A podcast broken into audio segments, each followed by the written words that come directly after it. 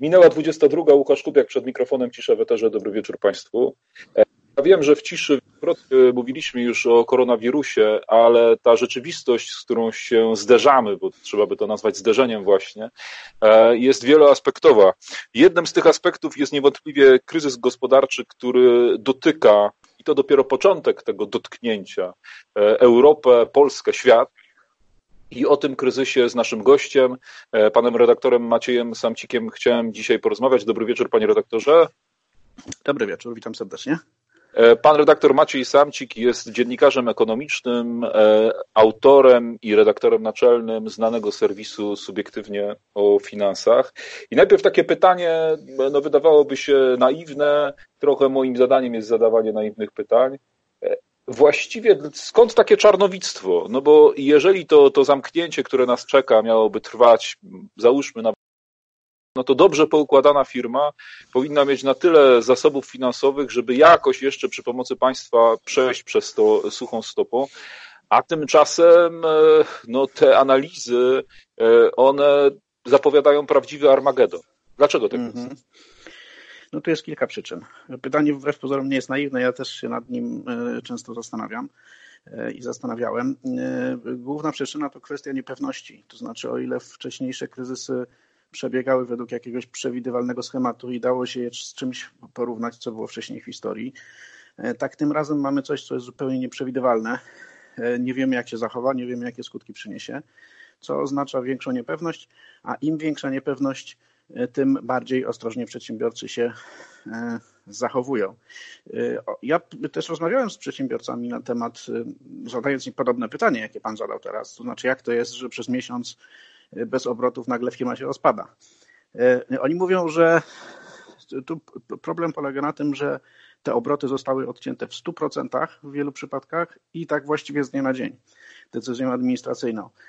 Firmy są przygotowane na to, że będą gorsze czasy, że spadną obroty, e, że będzie trzeba przez chwilę dopłacać do interesu, ale mało która firma jest przygotowana do tego, że jej nagle odetnie 100% obrotów. No taka nawet, nie wiem, nieduża firma kilkuosobowa, to ona ma koszty na poziomie kilkudziesięciu tysięcy złotych miesięcznie. No i teraz jeśli mamy sytuację, w której trzeba nagle te 70, 80, 90 tysięcy wyjąć z kieszeni, no to większość firm pewnie jeszcze takie oszczędności ma. Ale to jest jeden miesiąc, a potem jest nagle drugi miesiąc, jest trzeci, a mamy tę niepewność, o której wspomniałem i tak naprawdę taka firma nie wie, czy e, czy to potrwa jeszcze miesiąc, czy pięć miesięcy. W związku z tym, jeśli y, się zastanawiać, czy wyjąć te ostatnie swoje oszczędności, czy nadwyżki finansowe z poprzednich lat, czy też ich nie wyjmować i spróbować samemu przeżyć przez najbliższe być może kilka, kilkanaście miesięcy, no to to jest dylemat, który często, którego rozwiązaniem często jest po prostu zwolnienie pracowników albo zamknięcie firmy. No tak, no ale przecież e, zamknięcie firmy to jest zamknięcie biznesu i, e, i tak naprawdę no w związku z tym, że, że ta sytuacja wszystkich nas zaskoczyła i przedsiębiorców zaskoczyła także, no oni nie mają planu B. To znaczy, no rzadko kiedy jest tak, że ktoś prowadzi w miarę dobrze funkcjonującą firmę i on ma jakiś alternatywny plan, ok, kiedy zamknę firmę, to zacznę robić to czy tamto. No on też będzie musiał z czegoś żyć. Więc e, trochę zastanawia mnie mhm. jakby przyjęta tutaj strategia, no bo e, czy, czy oni mają jakąś alternatywę względem no, próby podtrzymania tej firmy jak długo się da? No ale tak, alternatywą jest oczywiście zmiana modelu biznesowego. To znaczy są firmy, które są, e, no podam przykład, branża eventowa. Jest pewne jak w banku, że nawet jeśli to zamrożenie gospodarki ustąpi, no to y, dla branży eventowej nic dobrego y, to nadal nie oznacza, ponieważ nie będzie organizowanych koncertów, nie będzie organizowanych wielkich konferencji. Tak z dnia na dzień ludzie nie zaczną nagle się e, e, pisać na wielkie imprezy. Zresztą prawdopodobnie nadal będą one zabronione. Więc jeśli miałbym, byłbym właścicielem firmy eventowej, no to mam dwa wyjścia. Albo szukać e, nowego biznesu, nie wiem, pokrewnego bardziej lub mniej, może organizacja wesel, albo po prostu zlikwidować wszystkie koszty i wykorzystać kilkadziesiąt, kilkaset tysięcy, może kilka milionów złotych własnych oszczędności na to, żeby przez kilka miesięcy poczekać, co się stanie i ewentualnie później rozpocząć działalność w nowej branży. Oczywiście no bo, bo są branże. Tak. Hmm? Ta rada, żeby w jakiś sposób przeformułować sposób swojego działania, no to jest taka rada dobrego wujka, dobra rada, jak z mhm. Bo to no niestety nie zawsze jest takie proste. Ja słyszałem o firmie eventowej, no nie będę tu wymieniał jej nazwy, Aha. która właściwie na poczekaniu wymyśliła taki sposób przetrwania i to bardzo dobrze się rozkręca, e, a polega na tym, że organizuje czas dzieciom tych, którzy są zmuszeni do pracy w domu. Tak? Znaczy są mhm. zajęcia dla małych dzieci w wieku przedszkolnym, które ci ludzie no z branży eventowej siłą rzeczy rozrywkowi zapewniają. E, w tym czasie rodzice mogą pracować, całe firmy, duże korporacje podobno aplikują o to, żeby brać udział w tym programie. To jest oczywiście jakiś pomysł, ale to są jednak rozwiązania, mm, które można wdrożyć w no, jakichś wyjątkowych sytuacjach, tak, czy znaczy w wyjątkowych, w nielicznych przypadkach. Natomiast no, w swojej masie. Oczywiście, że tak. Oczywiście, że tak. Znaczy w ogóle struktura polskiej gospodarki jest niekorzystna na tego typu e, kryzysy, ponieważ my jesteśmy zbudowani generalnie na mikrofirmach, na bardzo małych firmach, które są finansowo relatywnie słabe. To znaczy, jeśli mam firmę, która zatrudnia kilkaset osób i ma dziesiątki milionów złotych obrotów, no to jestem w stanie przetrwać trzy miesiące. Zresztą ja nagle się nie, nie jestem w stanie się zająć zupełnie czymś, czymś innym, bo jestem na rynku, moja marka jest znana e, od lat i e, ja jestem skazany na to, co robię. E, czym się zajmuje. Natomiast i takie firmy mają powiedzmy większe szanse. Natomiast nasza gospodarka stoi głównie firmami bardzo małymi, e, kilkuosobowymi, e, które nie są silne finansowo, krótko mówiąc. No i też nie mają długoterminowych strategii. Tak? No to to jest nasz problem mentalny, bo my nie myślimy długoterminowo i to dotyczy wszystkich Polaków, przedsiębiorców, którzy i tak powiedzmy są no, bardziej perspektywiczne myślenie mają niż przeciętny konsument, ale przecież połowa z nas w ogóle nie ma pieniędzy, żeby przetrwać dwa miesiące, jakby dochody nam odcięło. Tak, no to przedsiębiorcy pewnie trochę lepiej pod tym względem wyglądają, e, ale tam też nie ma w wielu przypadkach długoterminowych strategii i nie ma tak, że firma ma oszczędności, żeby trochę ściąć koszty i przetrwać przez następne pół roku. Stąd tak no bardzo ważne. Hmm?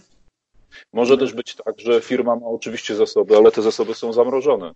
Znaczy w postaci tak. towaru, który sprzedają, e, czy zainwestowane, a tych pieniędzy nie da się tak po prostu e, odmrozić. Panie redaktorze, e, czy jesteśmy, zanim przejdziemy, bo oczywiście mhm. Naturalne jest pytanie o to, w jaki sposób odpowiedzieć na ten kryzys, ale jeszcze mhm. chciałbym zarysować jego wielkość, czy, czy możliwą wielkość tego kryzysu. Najpierw e, na przykładzie Polski, bo e, oczywiście narzucają się takie branże jak hotelarska, eventowa, restauracyjna, e, ale spróbujmy, to oczywiście jest trudne i nie da się tego zrobić dając pewien zbiór całkowity, ale jakich branż jeszcze ten kryzys szczególnie mocno może dotknąć? Generalnie wszystkich, wszystkich branż, które się opierają na kontaktach międzyludzkich, takich osobistych, E, no, w, w, w, Polsce oczywiście bardzo mocno zostanie dotknięty, czy już zostaje dotknięty transport, bo my stoimy transportem już w skali, europejskiej. Nasza, nasza branża transportowa jest potęgą w skali europejskiej. E, no i ona przez te ograniczenia, przez zamknięcie granic, przez to, że, e, że w ogóle mniej towarów przepływa, ona jest bardzo narażona. To jest myślę ponad 10% naszej gospodarki. Drugie 10% to jest turystyka. My nie jesteśmy jakąś wybitną potęgą turystyczną, ale mimo wszystko jesteśmy krajem, w którym klimat jest przyjazny, e, ludzie są e, e, też życzliwi i, i turystyka u nas się bardzo silnie rozwijała. Ją odcięło właściwie w 100% i nie wiadomo kiedy wróci. E, no, poza tym wszystko związane ze sportem, z eventami, z organizowaniem imprez, to jest myślę, że jeszcze z, z 5% gospodarki, więc tak szczerze mówiąc w sposób długoterminowy, no to e, dotknięta jest, dotknięta jest pewnie ćwiartka e, polskiej gospodarki. No wszystko inne pewnie można w miarę szybko odbudować, no bo jak się ten koronawirus skończy, to pewnie będzie można znowu sprzedawać mieszkania, pewnie będzie można znowu oferować usługi Branża spożywcza sobie dobrze radzi, bo kupować zawsze będziemy.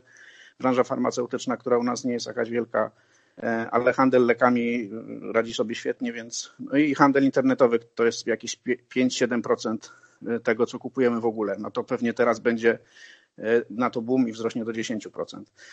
Więc no, bilans jest taki, że wydaje mi się, że mniej więcej 15-20% polskiej gospodarki w sposób trwały ucierpi, a pozostałe będą się, będziemy się odbijać jakoś wolno. Niech mnie pan skoryguje, ale 20% gospodarki to już wygląda na krach. No to jest tak, to jest bardzo dużo, bo my w skali roku wszyscy y, wypracowujemy dobra i usługi o wartości mniej więcej 2 bilionów złotych. No i 20% jakby w sposób trwały odcięło, no to jest 400 miliardów złotych, pieniędzy, których nie zarobią Polacy, nie zarobią firmy, o tyle po prostu zbiedniejemy i tyle nie będziemy mogli wydać. E, no oczywiście to, to jest taka katastroficzna wizja. Można ją spróbować jakoś skorygować tym, że my Polacy są narodem bardzo kreatywnym.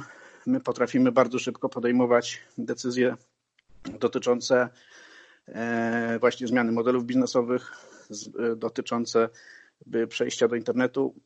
Wydaje mi się, że, że część z tego krachu zostanie zamortyzowana przez to, że e, po prostu duża część biznesu przejdzie do internetu w sposób skuteczny. E, I to, mm, to powiedzmy, że, że te 5% uda nam się odzyskać dzięki wzrostowi obrotów e, w, w internecie. No mamy zatem utratę 400 miliardów złotych w gospodarce, a przez to potężną stratę podatkową.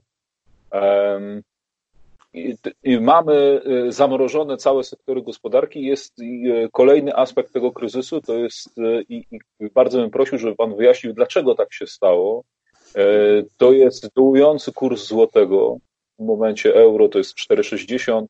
E, są takie prognozy i niektórzy uważają, że są absolutnie realistyczne, że euro może przekroczyć 5 złotych. Dlaczego e, złotówka tak bardzo słabo? No, 10 lat temu, w czasie poprzedniego kryzysu, ona się otarła o 5 zł. Tam było 4,90 w najgorszym momencie, więc to nie jest niemożliwe. Mm, przyczyna jest dość prosta w gruncie rzeczy. To jest, krótko mówiąc, odwrót od ryzyka. To znaczy, jeśli y, światowi, najwięksi inwestorzy na świecie w takich sytuacjach jak teraz zwracają się ku krajom, ku inwestycjom w papiery wartościowe w krajach najbardziej wiarygodnych. Z ich punktu widzenia dzisiaj najbardziej wiarygodnym, wiarygodnymi krajami są Stany Zjednoczone, jest Szwajcaria, jest y, Japonia. Jakkolwiek oczywiście te kraje też będą bardzo głęboko dotknięte przez ten kryzys, to w kraju, w którym działają największe korporacje na świecie, Coca-Cola, McDonald's, Apple, e, Google, Facebook, e, ten kraj prawdopodobnie odbije się szybciej niż kraj, w którym nie produkuje się iPhone'ów, tylko etui do iPhone'ów który jest uzależniony od tego, jakie dostanie zamówienia na komponenty z zewnątrz. W związku z tym e, inwestorzy zagraniczni, którzy mieli polskie akcje, polskie obligacje, po prostu się z tego wycofują i kupują za te pieniądze obligacje e, na przykład amerykańskiego rządu, co, co powoduje, że e, nasz złoty się osłabia. Jest to prawdopodobnie no, przejściowe, to znaczy jak się kryzys skończy, to, to sytuacja się zapewne poprawi, bo My ogólnie jako kraj zaliczamy się, powiedzmy, no jesteśmy mniej więcej na 30 miejscu na świecie wśród najzamożniejszych y, krajów, które e, są wiarygodnym miejscem, żeby tu zainwestować pieniądze. Więc y, jak sytuacja się uspokoi, jak będziemy już znali e, też sposoby wyjścia z tego kryzysu, pojawią się jakieś wiarygodne prognozy, y, no, jak będziemy dochodzili do stanu równowagi, no to myślę, że i złoty się uspokoi i trochę się wzmocni i, e, i też e, trochę kapitału z zagranicy do nas napłynie. No tak, ale e, bo na osłabienie złotego miał też, miała też jakiś wpływ decyzja Narodowego Banku Polskiego o obniżeniu stóp procentowych. Wiadomo, że chodziło tutaj o to, żeby no, zapewnić jak największą podaż pieniądza na rynku.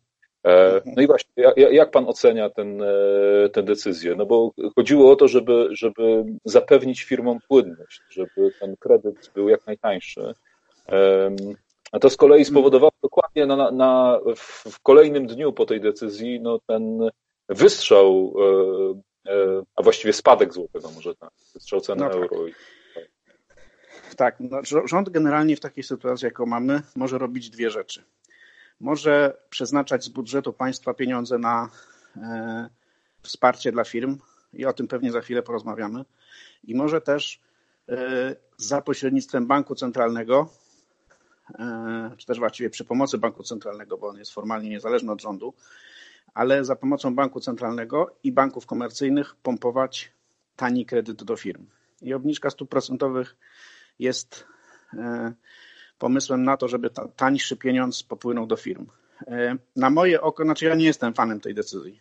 Uważam, że ten kryzys jest na tyle gwałtowny i na tyle niespodziewany i na tyle ma, ma tak wielką skalę i tak wiele aspektów, jak łącznie z zamknięciem granic, że e, tutaj obniżanie stóp procentowych, którego skutkiem jest właśnie bardzo słaby złoty, e, nie przyniesie natychmiastowego skutku w postaci jakiegoś pompowania wielkiej ilości pieniędzy dla firm, bo banki komercyjne, niezależnie od tego, co zrobił bank centralny, powiedziały, że już zapowiadają, E, mniej lub bardziej oficjalnie, na przykład w pismach wysłanych do pośredników kredytowych, że zaostrzają warunki udzielania kredytów i że firma, e, która jest już e, jakoś zadłużona, ma określony poziom zadłużenia, nowego kredytu nie dostanie.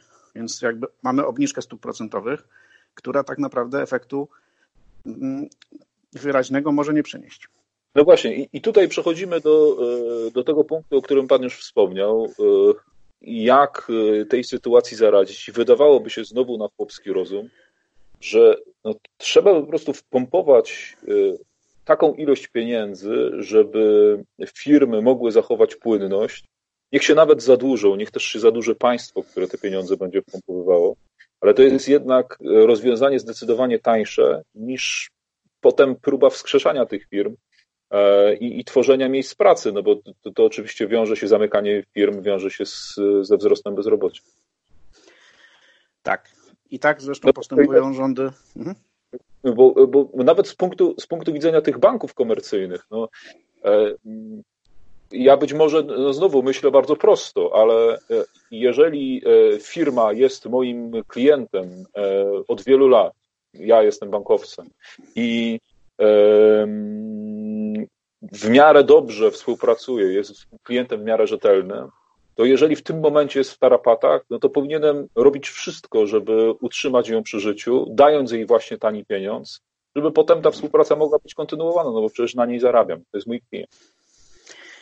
E, tak, natomiast no, nie bez powodu jest takie, na rynku takie powiedzenie, że bank to jest instytucja, która rozkłada przed klientem parasol, jak świeci słońce i zwija go, kiedy zanosi się na deszcz. To jest trochę tak, że e, bank oczywiście woli mieć długoterminowo, długoterminowego klienta, e, którego wspiera w każdej sytuacji. Natomiast jeśli mm, taki klient zbankrutuje, to bank traci 100% tego, co w tego klienta w cudzysłowie zainwestował. I żeby te 100% odrobić, potrzebuje 20 innych klientów, na których zarobi te swoje 5%.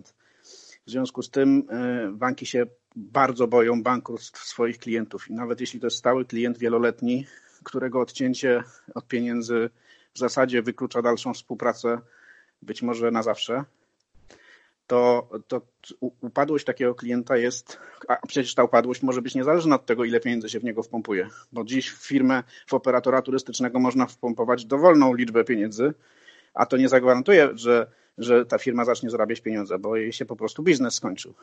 E, I w, taki, w takiej sytuacji bank jest, y, ma ogromne straty, których, które ma w trudnej sytuacji ogólnorynkowej będzie, będzie mu szalenie trudno odrobić. Więc to jest taki trochę wybór mniejszego zła. Tak? Zarżnąć kurę znoszącą złote jajka e, po to, żeby mm, uratować kurnik, że tak się wyrażę. O. E, rząd, tak jak wszystkie rządy w Europie, e, zaproponował tarczę antykryzysową, czy tamę antykryzysową, jeżeli by używać senackiej frazeologii. E, wiem, że jest Pan jej krytykiem. Na, na portalu Subiektywnie o Finansach została nazwana właściwie sitem, jest dziurawa jak sito. Gdzie są te największe dziury po sitem? No, największa dziura polega na tym, że nasze są dwie. Pierwsza to jest, że projekt jest bardzo skomplikowany. Jest nam mnóstwo rozwiązań zamiast jednego prostego i, jest, y, i każde z tych rozwiązań jest obwarowane jakimiś warunkami. W związku z tym, z punktu widzenia kogoś, kto ma, a jak wspomniałem, polska gospodarka stoi głównie malutkimi firmami. Z punktu widzenia przedsiębiorcy, który nie ma za sobą sztabu prawników, księgowych, ludzi od czytania ustaw, no to to jest coś, co, y, y, co jest bardzo trudne do zastosowania w, w bardzo szybkim tempie. Na pewno jest trudniejsze niż obniżenie pensji ludziom, niż zwolnienie ludzi. Dziś najprostszym rozwiązaniem, które już zresztą jest stosowane przez firmy, jest po prostu zwolnienie połowy pracowników i obniżenie pensji o połowę pozostałej połowie. Koszty firmy spadają o 75% i to jest lepsze niż jakakolwiek tarcza antykryzysowa, e, czy, czy jakikolwiek element nawet z tej tarczy e, polskiego rządu. Więc jakby ten stopień komplikacji powoduje, że są po prostu prostsze rozwiązania, które e, oznaczają wzrost bezrobocia na koniec. A druga wada polega na tym, że ta polska tarcza, ona, czy jesteśmy w sytuacji, która wymaga bardzo szybkich ruchów? To znaczy, e, polska firma potrzebuje dzisiaj wiedzieć, czy ja będę miał pieniądze, czy polski przedsiębiorca, czy ja będę miał pieniądze, żeby przez dwa miesiące zapłacić rachunki i zapłacić ludziom. Gdyby komunikat, komunikat był taki, przygotowujemy rozwiązanie, które spowoduje, że wszystkie polskie firmy przez dwa miesiące mają zapewnione pieniądze na zapłacenie rachunków. To wzrostu bezrobocia by nie było. Nawet gdyby tej ustawy jeszcze nie było, ludzie by poczekali, przedsiębiorcy by poczekali e, i powiedzieli: OK, przez dwa miesiące e, dostaniemy pieniądze na przeżycie, a potem zobaczymy, co będzie. No i tego komunikatu nie było. Był chaos, była przepychanka, e, te rozwiązania się zmieniały właściwie z dnia na dzień i, i, i jakby sytuacja dzisiaj jest taka, że wiele firm po prostu już zwalnia ludzi, bo no nie do końca wierzy, że, że ta tarcza ich uratuje. Jakby niezależnie od tego, bo ona ma zalety. Tak? To nie jest tak, że to jest złe rozwiązanie. Tam jest, y, ona została trochę rozszerzona w porównaniu z pierwszym pomysłem, chociaż znacznie mniej niż chciał Senat. Więc to nie jest tak, że, że to jest jakieś wybitnie złe rozwiązanie i być może na, na, na lepsze nas nie stać po prostu. Też tak może być. No właśnie, Ale. No. Bo, bo, to, bo to jest pytanie. Jesteśmy tutaj między y, młotem tego, co by się chciało, a kowadłem tego, co możemy. No bo jak rozumiem, e, właśnie, e, pytanie, czy te 200 miliardów złotych, o których mówi rząd, e, które mm, mają opisywać w pieniądzu całość rozwiązań tarczy, czy to są rzeczywiście realne pieniądze? Czy rząd te pieniądze ma? Czy to jest trochę bardziej PR? Tak naprawdę ile pieniędzy rząd na, na, ten, na tę ochronę antykryzysową rzeczywiście realnie przeznaczy? Te 212 miliardów złotych to są w dużej części pieniądze, które mogą uruchomić, może wykreować bank centralny we współpracy z bankami komercyjnymi oraz instytucje wspierające rząd typu Bank Gospodarstwa Krajowego, typu Polski Fundusz Rozwoju, e, które e, są w stanie e, na przykład zagwarantować spłatę kredytu przedsiębiorcy gdy ten wystąpi o kredyt w banku komercyjnym. Czyli to mówimy o takiej sytuacji, że nie, nie tyle jest wydawany żywy pieniądz, co bank po prostu, czy państwo w, jakimś, w jakiejś swojej emanacji e, gwarantuje, e, że jakby jest takim żerantem kredytu przedsiębiorcy zaciąganego Ale... przez przedsiębiorcę. Tak? No, ale to nie jest żywy pieniądz, bo to jest gwarancja. Tego, tego, to nie jest taki pieniądz, który trzeba wydać. No więc i jakby takiego żywego pieniądza, który fizycznie popłynie do przedsiębiorstw w ciągu najbliższych tygodni, no tam jest różnie liczą ekonomiści, bo ta tarcza jest na tyle skomplikowana, że trudno tutaj to dokładnie policzyć, ale, e, ale no, między 25 a 35 miliardów złotych liczą. No i to nie jest dużo, powiedzmy sobie szczerze, bo, bo w innych krajach typu Wielka Brytania, typu Stany Zjednoczone, oczywiście krajach dużo bogatszych, te, y, te części oparte na żywych, żywej gotówce dla E, przedsiębiorców i konsumentów e, no, oscylują wokół właśnie takich kilkuset miliardów złotych. No, u nas to jest 20, między 25 a 35 miliardów. No tak, ale, ale ten mechanizm, o którym Pan wspomniał, e, mechanizm żyrowania kredytów dla firm, on się wydaje być, jeżeli na tym aspekcie tarczy byśmy się, nad tym aspektem tarczy na chwilę byśmy się zatrzymali, on się wydaje być pomysłem dobrym, no bo jeżeli mam dużą firmę i jestem w sytuacji kryzysowej i mam dostęp do w miarę taniego pieniądza, e, do kredytu, który jest gwarantowany przez państwo, e, te warunki są takie, że mogę ten kredyt spłacić no, w jakimś czasie, który no, pozwoli mi to zrobić, mhm. no to jest to lepsze niż, niż zaoranie tego przedsiębiorstwa. Więc tak. mhm. wydaje się to być dobre rozwiązanie. Pytanie tylko, czy banki komercyjne będą chciały tych kredytów udzielać. No, jeśli Bank Gospodarstwa Krajowego, czyli najogólniej ujmując państwo, zagwarantuje, podżyruje 80% takiego kredytu, to większość banków komercyjnych, e, mając w, e, tak naprawdę na swojej, tak jak się w branży bankowej mówi, książce tylko 20% tego ryzyka, pozostałe 20%, no, pójdzie w to. Więc to jest dobry instrument, zgadzam się, tylko że on nie jest natychmiastowy i on się nadaje głównie dla dużych firm dużych i średnich może. Ma, zna, zna, zna, no bo, te, bo to są y, firmy, które mają e, długoterminowe strategie. Żeby taki kredyt zaciągnąć i potem go spłacać, nawet jeśli on jest nisko oprocentowany, to trzeba mieć plan na kilka lat naprzód. No i teraz e, są dwa problemy. Po pierwsze, firma takiego planu przeważnie nie ma. Po drugie, y, sytuacja jest niestabilna. Gdybym był dzisiaj szefem firmy turystycznej, to nie byłbym w stanie opracować planu na najbliższe trzy lata.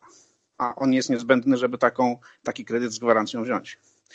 Więc e, e, oczywiście to rozwiązanie, ono się dobrze sprawdziło 10 lat temu w poprzednim kryzysie. Natomiast tutaj no, jeszcze jest zbyt dużo niepewności, żeby można mieć pewność, że ono tak samo dobrze zadziała. Rozumiem, że musiał być, musiałby to być e, instrument podobny, ale różniący się tym, że byłby znacznie łatwiejszy w użyciu, szybszy. Trochę e, czytałem to w którymś z mhm. pańskich wpisów, trochę na zasadzie mhm. kredytu studenckiego. No właśnie o tym chciałem powiedzieć, tak, bo gdyby to było tak, że e, mogę zaciągnąć dzisiaj kredyt, którego maksymalna wartość to jest 80% moich, nie wiem, przychodów, kosztów, obojętnie to można różnie zdefiniować i mogę go ciągnąć tak długo, jak długo gospodarka jest zamrożona.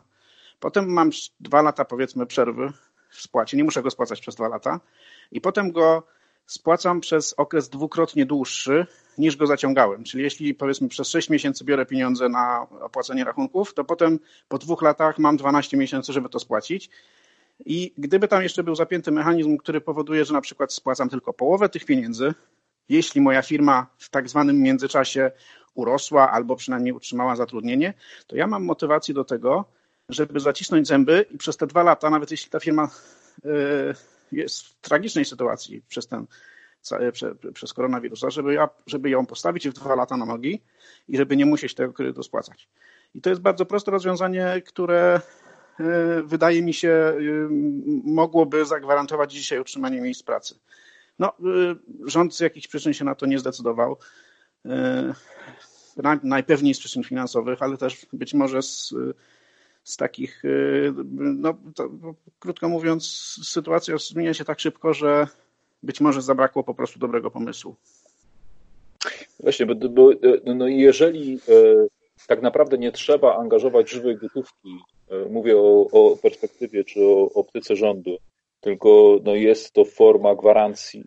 E, no to taka akcja kredytowa wydaje się być rzeczywiście najlepszym narzędziem do tego, żeby, żeby zapewnić w sytuacji polskiej gospodarki, która no, stoi małymi firmami, rzeczywiście utrzymanie, e, utrzymanie miejsc pracy. Mamy inne rozwiązania. Ja nie będę się pastwił nad pożyczką w mhm. wysokości 50 tysięcy złotych, bo nie wiem tak, właściwie, co ten element. No to jest gadżet. Mhm. Znaczy, no bo z punktu widzenia przeciętnego przedsiębiorcy te 5 tysięcy złotych no, nie wystarczy nawet na, nie wiem, na, na zafundowanie lunchu swoim hmm. Pracownikom. Może przesadzam, ale, ale no to są naprawdę pieniądze chyba na otarcie łez. E, no ale mamy, mamy, e, mamy zwolnienie z ZUS-u, tylko że znowu dla, dla firm do 9 osób zatrudnionych. Tak jest. To jest y, tak, no to nie wiem, czy tu jest tylko dwa słowa o tym ZUS-ie powiem. To jest, to jest tak naprawdę, jeśli chodzi o małe firmy, pewnie główny, główna, główny bonus, który rząd, że tak się wyrażę, sponsoruje i on może mieć, może przynieść efekty w takim sensie, że już znam przykłady firm, które jak usłyszały, że, że, to, zosta, że to zostanie już jest pewne jak w banku, to, to wstrzymały zwolnienia. No i do tego dochodzi ten, i tu wydaje się to być rzeczywiście rozwiązanie, które może pomóc. To jest to finansowanie 40% wynagrodzenia no tej, tej średniej krajowej. Mhm, tak. To jest rozwiązanie, które e, zostało rozszerzone, o ile mi bo to miało być wyłącznie dla małych firm, a teraz zdaje się jest również dla średnich dostępne. I ono jest dobre dla firm z tych kategorii, czy z tych branż gospodarki, w których nastąpił jakiś spadek przychodów, natomiast nie nastąpiło całkowite załamanie tych przychodów. No i teraz y, tak się zacząłem zastanawiać, których branż to może dotyczyć. I boję się, że stosunkowo y, nielicznej grupy. To znaczy, no to przesadziłem, że nielicznej, tak? Może połowy, no to nie jest nieliczna. Ale mamy w Polsce branżę, którym odcięło całkiem e, popyt, czyli mają stuprocentowy spadek przychodów i im taki instrument nie pomoże. Bo jakby jeśli jestem firmą eventową i mam w perspektywie krach mojego biznesu, no to tutaj żadna pomoc E, no i, i, jakaś tego typu, tak, że połowę, coś mi połowy, ktoś mi zrekompensuje połowę czegoś, to mi to nie pomoże. Inna sprawa, czy w ogóle w taką firmę jeszcze warto ładować publiczne pieniądze, tak, jeśli to jest firma z branży, która się w jakimś tam sensie skończy na jakiś czas, tak, ale to jest inny temat. No w każdym razie y, jakby dla, spół- dla firm z branż, którym odcięło 100% przychodów, to jest y, niewystarczające. Druga część firm które tego nie potrzebują, to są firmy, które doskonale sobie poradziły, czyli cała branża online'owa, y, e-commerce i, i wszystkie z, z, tym powiązane. Spożywcza, farmaceutyczna, tak? No oni sobie radzą. Jest jeszcze jakaś grupa firm pośrodku, dla których to jest świetny instrument, bo im trochę spadło, ale nie, nie są całkiem, brzydko mówiąc, zaorane. No i to jest powiedzmy instrument, który jest fajny, ale E, ale niestety jest, e, pomoże tylko części firmom, części firm i jakby tu jest główny problem. Gdyby to było tak jak, w, nie wiem, w, w, w którymś z krajów skandynawskich chyba, nie, nie pamiętam w którym, że to jest 80%, no to wtedy pomoże wszystkim, tak? Bo jeśli mam sytuację kryzysową typu, nie wiem, hotel, mam restaurację, firmę turystyczną, i ktoś mi pokrywa 80% pensji moich pracowników i ja mam jakieś oszczędności, bo przecież były 4 lata dobrej koniunktury, więc coś tam zgromadziłem, no to tak, to, to, to, to by było rozwiązanie, ale no 40% to jest, to jest ciut mało. Czyli wynikałoby z tego, co dotychczas powiedzieliśmy o tej tarczy, że to rozwiązania, które są albo za słabe, czy zbyt mało, albo zbyt wolne, e, albo zbyt skomplikowane. I teraz, tak. E, mhm.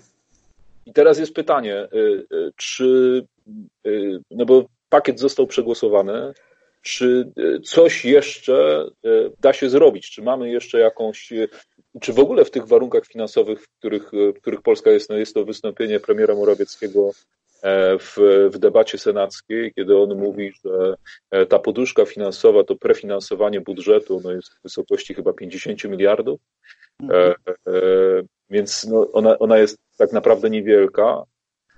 Oczywiście potem rząd absolutnie ma instrumenty, żeby, żeby, żeby no się zadłużać tak naprawdę.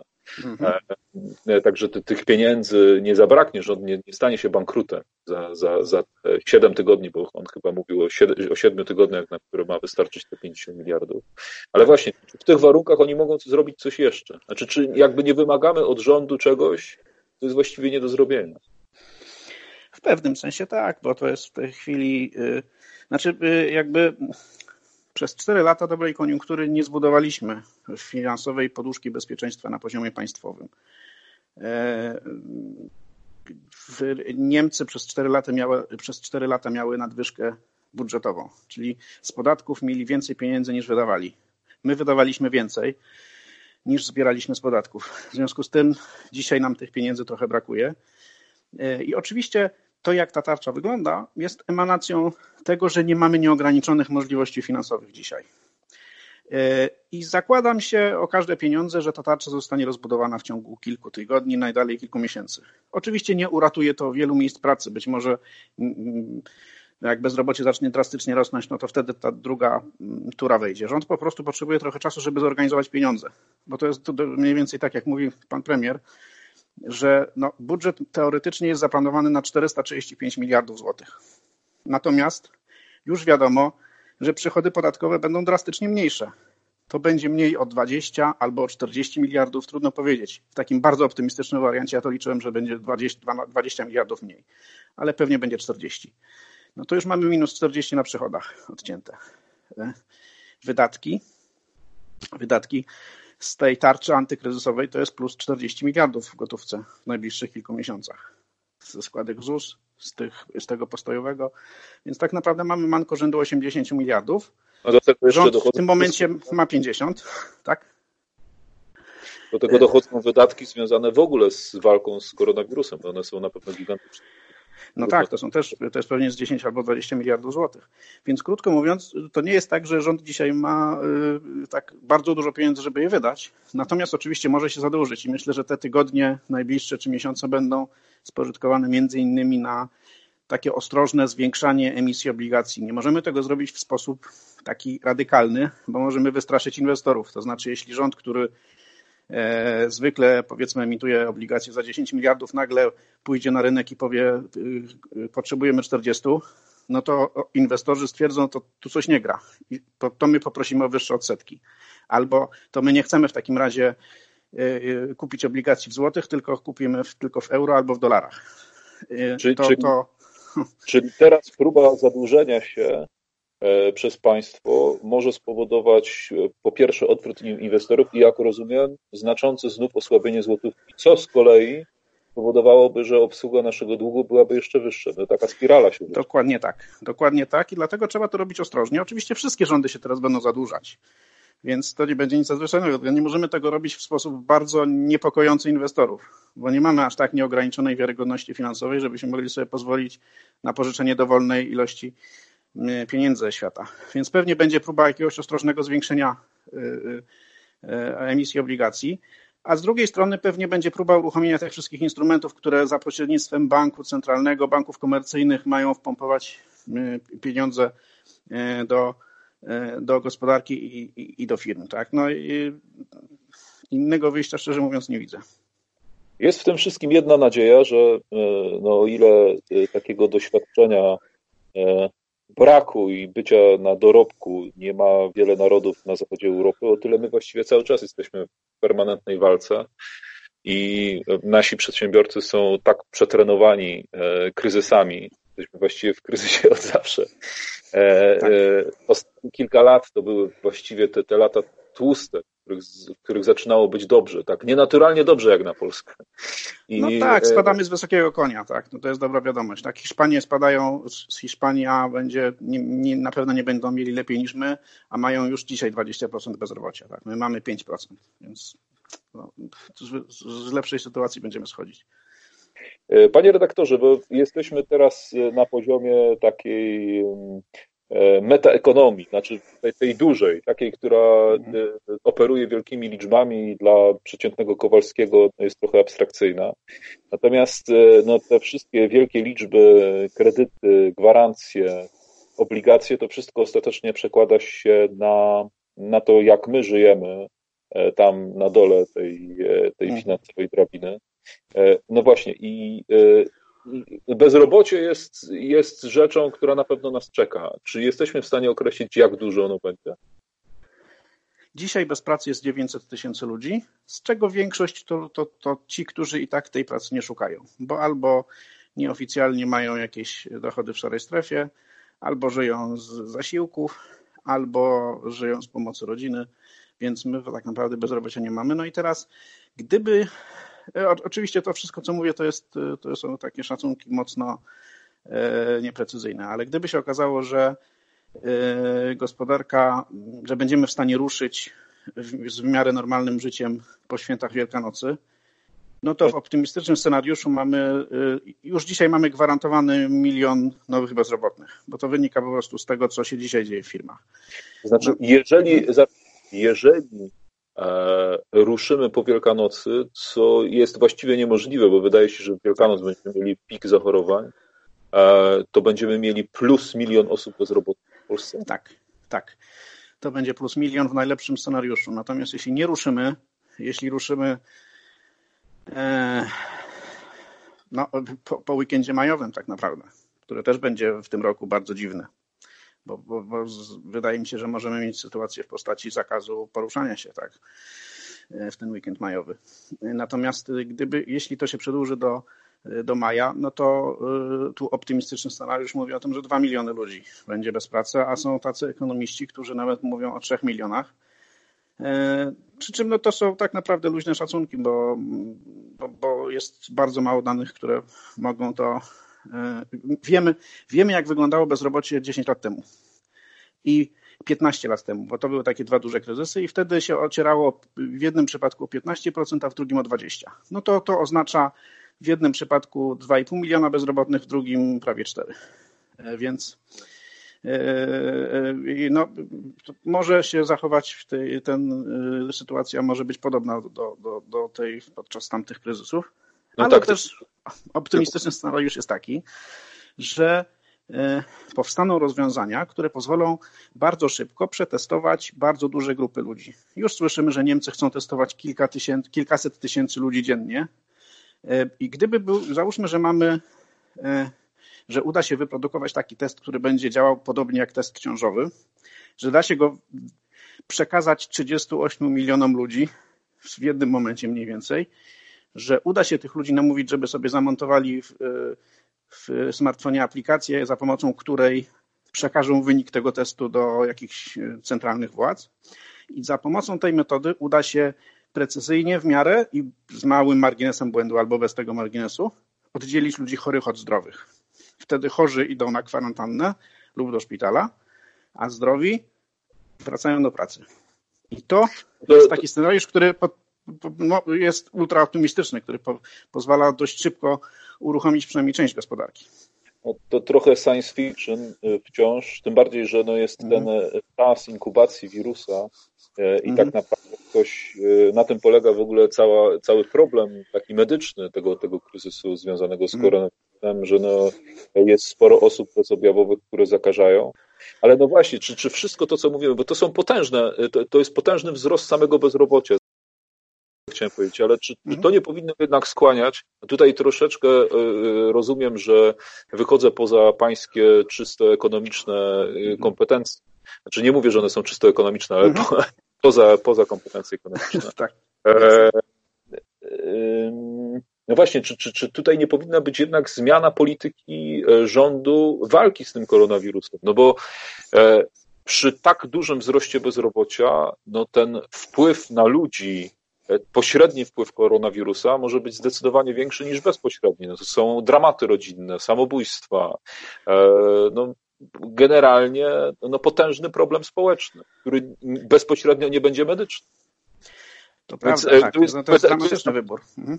To, to, to jest pytanie na przykład, czy nie odizolować starszych ludzi. Mhm. I, a, a, a młodszym pozwolić, żeby wrócili do pracy. No tylko Wiadomo, że wtedy to będzie zdecydowanie mniej skuteczne, jeżeli chodzi o, o, o obniżanie i, i spłaszczanie tej krzywej zachorowań. No tu problem polega na tym, że ekonomiści mają dzisiaj mniej do powiedzenia niż epidemiolodzy, jeśli chodzi o zarządzanie tą sytuacją. I z punktu widzenia epidemiologów, to, to, to tutaj jest pewne ryzyko. To znaczy, to, bo to jest mniej więcej ten wariant, który chciała Wielka Brytania przeprowadzić. Odizolować starszych ludzi, a całą resztę niech przechorują tego wirusa. Tylko, że jakby zastrzeżenie jest takie, że nie wiemy, jak on się zachowa w przypadku zarażenia bardzo dużej liczby osób.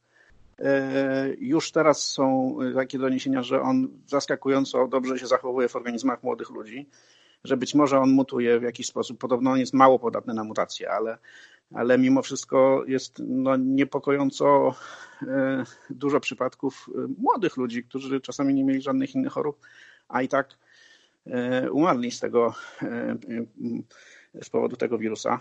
Więc e, tutaj wydaje mi się, że oczywiście skutki ekonomiczne będą gigantyczne. E, być może będą to miliony zmarnowanych karier, miliony e, czy setki tysięcy zniszczonych firm. Dorobek wielu ludzi może zostać zanihilowany.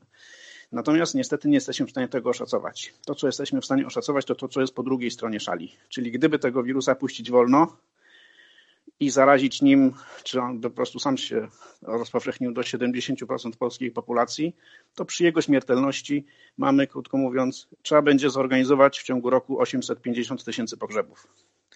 No i to jest, i to jest, to jest jakby dana statystyczna, tak? A po drugiej stronie jest i jakaś, jakiś x nieszczęść ludzkich, których nie jesteśmy w stanie dzisiaj policzyć.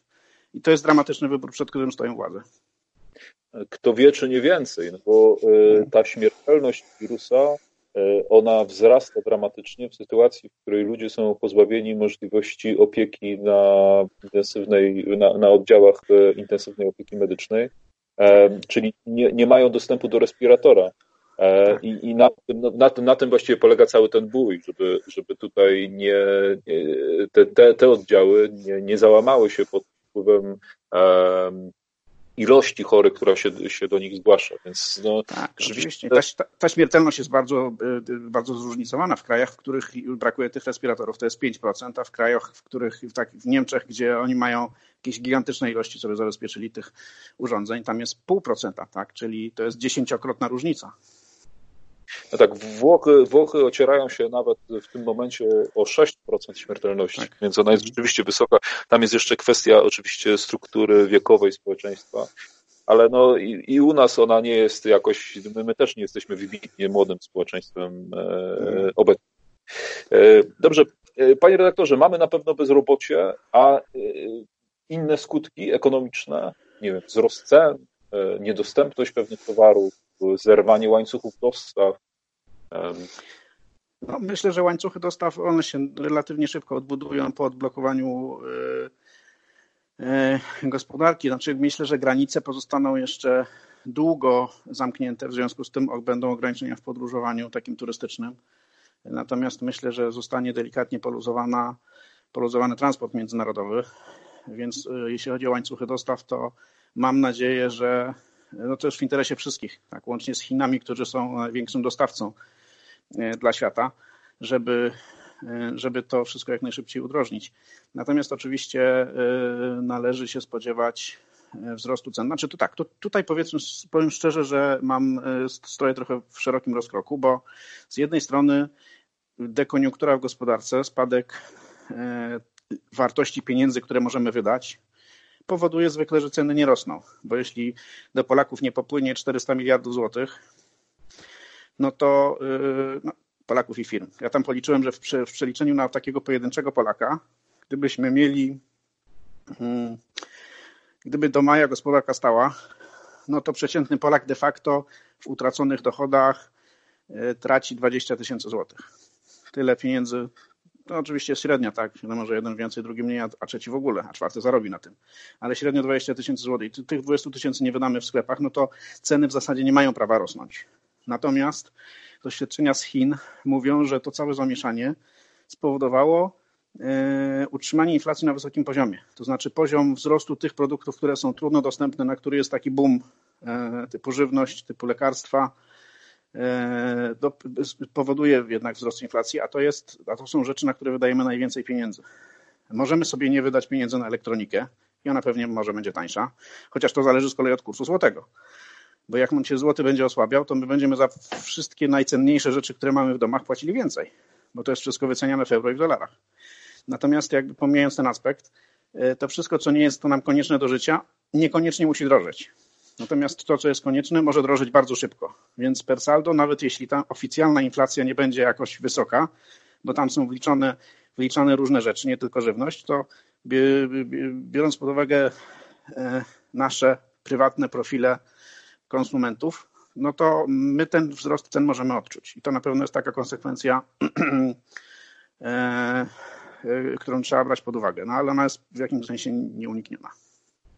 Panie redaktorze, ostatnie pytanie, bo y, jesteśmy w stanie w historii to, co się teraz dzieje, e, do czegokolwiek porównać? No bo chyba te poprzednie kryzysy finansowe, choćby ten z 2008 roku, no to był e, kryzys instytucji finansowych, banków. No tam były po prostu udzielane bardzo niebezpieczne kredyty i mało tego, kolejne kredyty były zabezpieczane jeszcze tymi kredytami i to się po prostu mhm. rozsypało jak domek z kart. Natomiast e, teraz wydaje się, że, że to jest kryzys, który dotyka samego serca gospodarki, bo, bo, bo, bo przedsiębiorstw i ludzi, którzy nie mogą produkować. Tak, i on niestety będzie, bo jeszcze wśród tych kryzysów, które, które dotyczą e, serca gospodarki, jak to ładnie Pan określił, e, są też te, są te, które dotykają głównie bogatych i to, to te, które dotykają głównie biednych. E, I niestety ten, który nas czeka, będzie dość bolesny dla ludzi, którzy mają stosunkowo niskie dochody, które mają, którzy mają dużo pieniędzy, wydają na żywność, którzy mają stosunkowo niskie kwalifikacje, bo ich dotknie w największym stopniu bezrobocie. E, ich wynagrodzenia w największym stopniu zostaną e, obniżone. E, I to też jest, myślę, wyzwanie dla, dla władz, które będą musiały jakoś tym problemem zarządzić, zwłaszcza, że te grupy ludzi zostały w jakimś sensie, no nie chcę tu użyć złego słowa, rozpieszczone w tych dobrych latach. Rzeczywiście to, co można dobrego powiedzieć o o, o, o rządach Zjednoczonej Prawicy, to to, że trochę wyrównały nierówności społeczne. Tam poszły transfery do, do biedniejszych, e, no, niestety poszły przy okazji dla bogatych, tak? I to, to teraz nam się odbije trochę czkawką, ale, ale e, ci ludzie z niższych warstw dochodowych, oni dostali, e, znaczy ich, ich, e, oni po raz pierwszy poczuli się docenieni po pierwsze, a po drugie ich dochody wzrosły do przyzwoitych poziomów. No i teraz nagle to znowu tąpnie. I pytanie, jakie to przyniesie skutki społeczne, tu nie jestem, nie jestem ekspertem, ale z ekonomicznymi będziemy musieli sobie poradzić jakoś. Jakieś już zupełnie na koniec światło w tunelu, żeby nie zostawić naszych słuchaczy z taką naprawdę czarną wizją przyszłości. Hmm. Pan, panie redaktorze, mnie trochę zgasił, jak tam zacząłem opowiadać o tych y, moich marzeniach, o tych testach.